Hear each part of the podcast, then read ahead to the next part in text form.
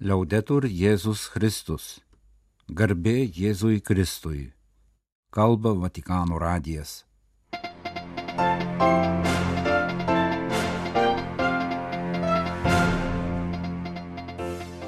Malonūs klausytojai, šioje šeštadienio vasario 25-osios programoje popiežius dalyvavo dokumentinio filmo apie karą Ukrainoje peržiūroje. Romos vyskupas paminėjo karą Ukrainoje šeštadienį pradėdamas Vatikano tribunolo juridinius metus. Popiežiaus Pranciškaus kalba popiežiškųjų universitetų rektoriams. Nereikia būti solistais be choro. Pirmojo gavėnios sekmadienio Evangelija ir monsinjoro Adolfo Grušo homilija.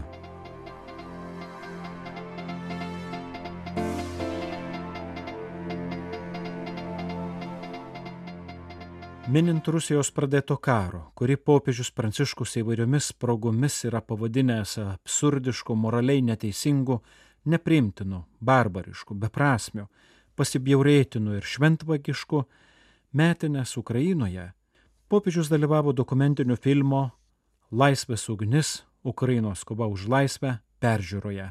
Dramatiškus, širpius, piktinančius epizodus pasakojančio filmo peržiūroje dalyvavo ir ukrainiečiai pabėgėliai. Dokumentinis amerikiečių režisieriaus Evgenijaus Afinevskio filmas Laisvės ugnis Ukrainos kova už laisvę buvo pristatytas paskutiniajame tarptautinėme Venecijos kino festivalyje. Galima priminti, kad tas pats režisierius yra 2015 metais pasirodžiusio filmo Žema ugnyje Ukrainos kova už laisvę dokumentavusio 2013-2014 metais Ukrainoje vykusius įvykius autorius.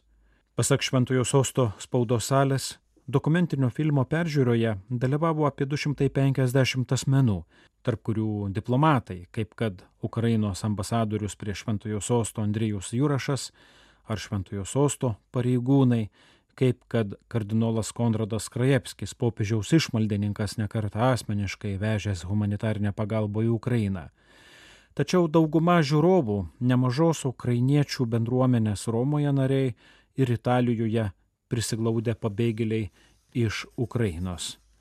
Greta popiežiaus Pranciškaus įdėjo dokumentinėme filme minimos Azopstalo plieno gamykloje apsuptų ir vėliau į nelaisvę paimtų Ukrainos karių dramos liudininkės, vieno iš karių žmona su vaikeliu ir jo mama.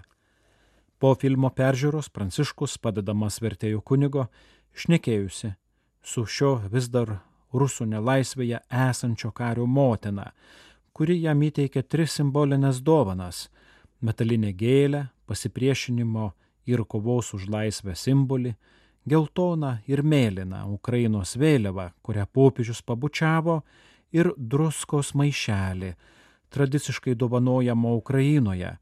Pasak moters, ši žemės druska yra stiprybės, kurios taip reikia dabartinėje sunkioje kovoje simbolis. Popiežiui taip pat padovanota apyrankė iš Azopstalo plieno. Po filmo, kurio vaizdai stipresni už apžvalgų ar kronikų žodžius sukrėtė daugelį iki ašarų, popiežius paėmė mikrofoną į rankas ir spontaniškai pasidalijo keliomis mintimis. Kai Dievas sukūrė žmogų, jis palipė pasirūpinti žemę, padaryti ją gražią, dirbti ją. Karo dvasia yra priešinga - naikinti ir dar kartą naikinti, neleisti žemėje žydėti, sunaikinti visus - vyrus, moteris, vaikus, senelius, visus. Šiandien sukako metai nuo šio karo pradžios. Žvelkime į Ukrainą, melskime už Ukrainą ir atverkime savo širdis liūdėsiui. Nesigėdinkime kentėti ir verkti, nes karas yra griuvimas, nes karas visada mus sumenkina. Tegul Dievas padeda mums tai suprasti kalbėjo popiežius Pranciškus ir pakvietė. Melskimės. Šventasis tėve, kuris esi danguje, pažvelk į mūsų vargus, pažvelk į mūsų žaizdas, pažvelk į mūsų skausmą, taip pat pažvelk į mūsų egoizmą, žemus interesus ir gebėjimą susinaikinti. Pagydyk, išgydyk mūsų širdis, išgydyk mūsų protus, išgydyk mūsų akis, kad jos matytų tavo sukurtą grožį ir kad mūsų egoizmas jo nesunaikintų. Pasėk mumise taiko sėklą. Amen.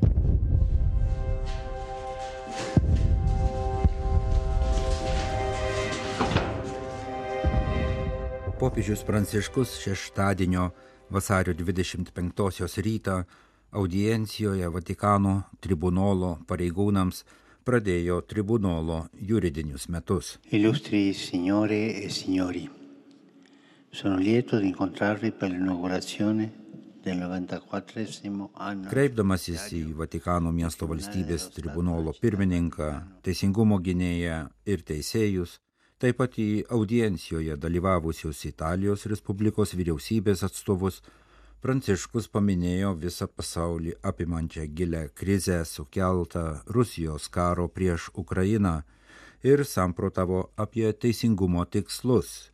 Jie nėra abstraktus ar utopiniai, o sažiningas ir ištikimas visų pareigų Dievui įgyvendinimas. E. Teisingumo siekis vykdyti Dievo valią, patikino popiežius. Romos vyskupas pažymėjo, kad Ukrainoje sprogęs konfliktas ir jo tragiškos peripetijos visą pasaulį panardino į gilę krizę, apsunkintą daugelio kitų karo žydinių įsiplieskusių kituose kraštuose. Kai kurie karai iš tiesų paliečia iš arčiau, tačiau tikrovė ta, kad pasaulyje daug konfliktų. Jie virsta tam tikrų savęs sunaikinimu. Anot popiežiaus, priešais šiuos scenarius mumise sustiprėjęs taikos ir teisingumo troškimas tampa reikalavimu liudyti, kad padėtume kurti taiką ir teisingumą. In un mondo scoraggiato per la violenza e la guerra, i cristiani fanno come Gesù. Smurto ir karų paženklintame pasaulyje krikščionys daro taip, kaip Jėzus. Jis pakartotinai iš apaštalų prašė taikos, sakydamas tris kartus - ramybė jums. Pace, pace, pace a voi. E noi siamo chiamati a fare del Taip turim daryti ir mes. e Įsisavinę, netikėtą ir pranašišką Jėzaus taikos prašymą jį kartoti pasauliui. Kristaus siunčiami krikščionys pašaukti būti pasaulio taikos sąžinę. Kalbėdamas apie teisminių bylų padaugėjimą Vatikane, popiežius pastebėjo, kad ne vienu atveju taip pat padidėjo nagrinėjamų veiksmų rimtumas, ypač turto ir finansų valdymo srityje. Pranciškus pridūrė, kad nors tokie bažnyčios narių veiksmai rimtai trukdo bažnyčiai atspindėti dieviškąją šviesą, vis dėlto nepraeina gilus šios šviesos troškimas, bažnyčios pasirengimas ją priimti ir ją dalytis, nes Kristaus mokiniai pašaukti būti pasaulio šviesa. E questo è il modo con cui la Chiesa riflette l'amore salvifico di Cristo che è la luce del mondo. Tai būdas, kurio bažnyčia atspindi Kristų, kuris yra pasaulio šviesa ir jo išganančiąją meilę. Vasario 25 dienos audiencijoje popiežius Pranciškus priėmė popiežiškųjų Romos universitetų ir institutų rektorius. Už jų nugaros pažymėjo šventasis tėvas ilgamžės institucijos, kaupiančios Dievo tautos išminti, tarnaujančios bažnyčios misijai džiugiai skelbti Evangeliją ir vedant šventai dvasiai, padedančios atpažinti laiko ženklus labai įvairiuose pasaulio kultūriniuose kontekstuose. Audiencijos dalyviams, vyrams ir moteriams, popiežius linkėjo būti tarsi chorų, kuriame dera įvairūs balsai ir instrumentai. Tegul panašiai dera vienas kitą papildo, atsveria, pataiso, patobulina pažinimo laukai ir perspektyvos, puoselėjami skirtinguose popiežiškuosiuose universitetuose Romoje, sakė jis. Šią harmoniją visų pirma reikia ugdyti savyje, tarp trijų žmogaus sieloje esančių pažinimo būdų - protu, širdimi, rankomis. Kiekvienas būdas yra savatas ir savaip skamba, visi jie būtini. Tegul proto kalba būna susieta su širdies ir rankų kalba. Tai, ką galvojate, su tuo, ką jaučiate ir ką darote, pažymėjo popiežius Pranciškus. Jis atkreipė dėmesį į esminės sąsajas italų ir kitose kalbose susijusiuose su lotynų kalba tarp veiksmažodžio paimti, prenderę, aprašančio rankų gestą ir įvairių veiksmažodžių, kurie aprašo proto veiksmus - suprasti, komprenderę, išmokti, aprenderę ar nustebinti, sorprenderę. Kai rankos paima, protas nustemba, supranta, išmoksta. Todėl, pasak popiežiaus, mums reikia ne godžiai sugniauštų, nenorinčių pasisveikinti ir taikos palinkėti rankų, keurų, pametančių laiką, sveikatą ir talentus rankų, bet jautrių rankų.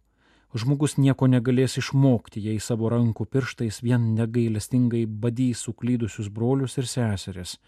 Jis nesugebės nieko stebėtis, jei nesugebės suglausti rankų delnų ir pakelti juos aukštin maldai.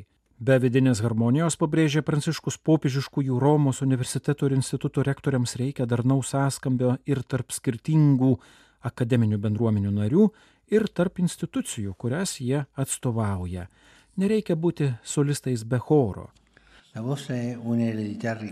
Jūsų paveldas labai turtingas ir gali paskatinti naują proveržį, bet gali jį ir nuslopinti, jei jis tampa pernelik savitikslis, jei tampa muziejiniu eksponatu. Jei norite, kad ateitis būtų vaisinga, negalima apsiriboti išlaikymu to, ką gavote priešingai. Šis paveldas turi būti atviras drąsiems ir jei reikia precedentų neturintiems pokyčiams, sakė Pranciškus.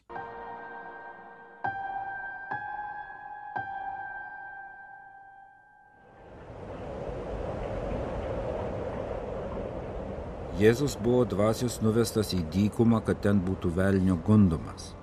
Išpasnikavęs 40 dienų ir 40 naktų jis buvo labai alkanas. Prie jo prisiartino gundytojas ir tarė, jei tu, Dievo sūnus, liepk, kad šie akmenys pavirstų duona. Bet Jėzus atsakė, parašyta, žmogus gyvas ne vien duona, bet ir kiekvienu žodžiu, kuris išeina iš Dievo lūpų.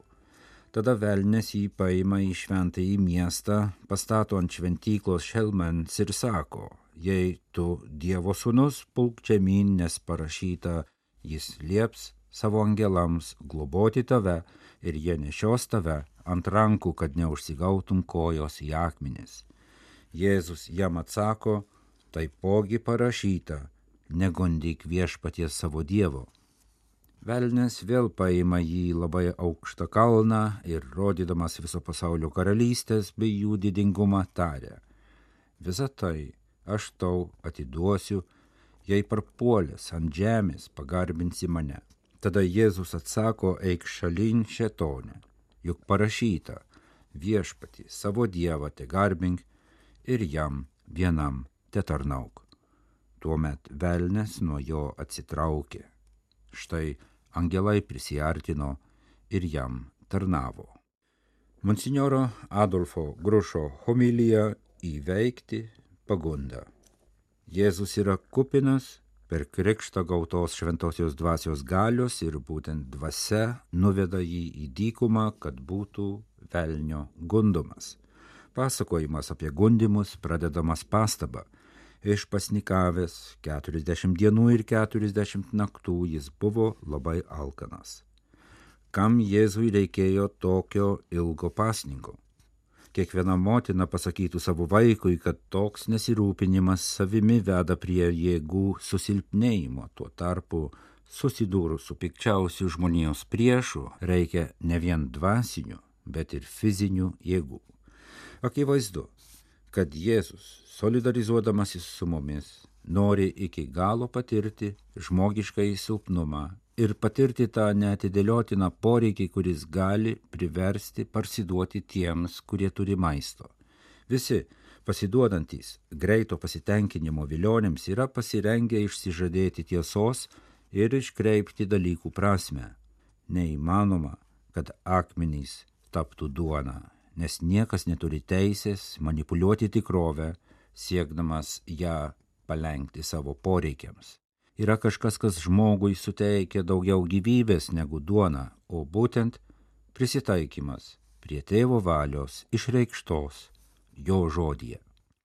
Tai pirmoji Jėzaus įveikta pagunda, kuri norėtų dovanas dalyjančio Dievo, taip sunaikinant žmogaus laisvę gyventi su juo dėl to, kas jis yra, o ne dėl to, ką jis duoda. Pagunda, kuriai taip mielai pasiduoda daugelis žmonių. Vėlgi kviesdamas pulti žemyn nuo aukščiausio šventyklos taško, kad jį neštų angelai šetonas, nori iš Kristaus ir iš žmogaus širdies išstumti tikėjimo jausmą, skatindamas rinktis ženklų įrodymus, kurie iš pažiūros paprasti ir konkretus, iš tikrųjų atitraukiamus nuo pareigos dėti pastangas išlaikyti tikėjimą. Bet kas sakė, jog gyvenime visada reikia eiti aiškiais keliais, kurie apsaugo nuo atsakomybės rinktis ir rizikuoti. Puikiai žinome, kad tikėjimas yra didžiausia rizika, nes verčia mus gyventi kaip pralaimėtojus pasaulio akise, dažnai palieka mus abejonėse ir mums reikia ieškoti kelio, kuris nėra susijęs su piktojo žadomu pasitenkinimu. Tačiau tai vienintelis būdas gyventi kaip laisviems žmonėms. Nepasitenkinęs velnės išbando dar vieną galimybę siūlydamas Jėzui visas pasaulio karalystės. Kas iš mūsų niekada nėra puoselėjęs svajonių apie valdžią? Tokiais atvejais įsivaizdavimas, kad kiti parodys mums dėmesį, kuris buvo atimtas arba niekada nesuteiktas, gali atrodyti vieninteliu būdu įveikti nusivylimą. Vietoje to valdžios siekimas greuna santykius su kitais žmonėmis, kurie jau nebėra mums lygus. Jie tampa piedestalu, ant kurio užlipame, norėdami pasijusti didesni. Tie, kurie nori bet kokią kainą įsitvirtinti gyvenime, iš tikrųjų jau yra nusilenkę juos pavergusiai puikybės logikai. Jėzus atsako piktajam, kad tik Dievo garbinimas palieka mus laisvais. Gundimų istorijoje viešpats pasirinko tapti balsu visiems sviruojantiems, kurie ketina pasiduoti, kurie galvoja, kad neverta gyventi kaip Dievo vaikams, nes viskas gyvenime vyksta pagal kitokią logiką. Dykumoje jis jautė visą visų laikų žmogaus skausmą ir abejonės, bet nenusigrėžė nuo tėvo veido. Tai tikroji pergalė prieš didžiausią pagundą - manyti, kad Dievas nėra tėvas ir kad reikia kurti savo gerovę, pamirštant, jog viskas gaunama kaip dovana iš jo. Visas pagundas galima įveikti išliekant žmonėmis, kai mokame priimti Dievo valią, neišvelgdami joje grėsmės savo laimės troškimui. Jėzus nepasidavė gundomas, nes žinojo, kad tėvo valia, net jei ir sunki, veda į išganimą į bendrystę su Dievu, vienintelį laimės šaltinį, vienintelę vietą, kur nurimsta kiekviena širdis. Kalba Vatikano radijas, laidą lietuvių kalbą baigėme. Garbė Jėzui Kristui. Liaudetur Jėzus Kristus.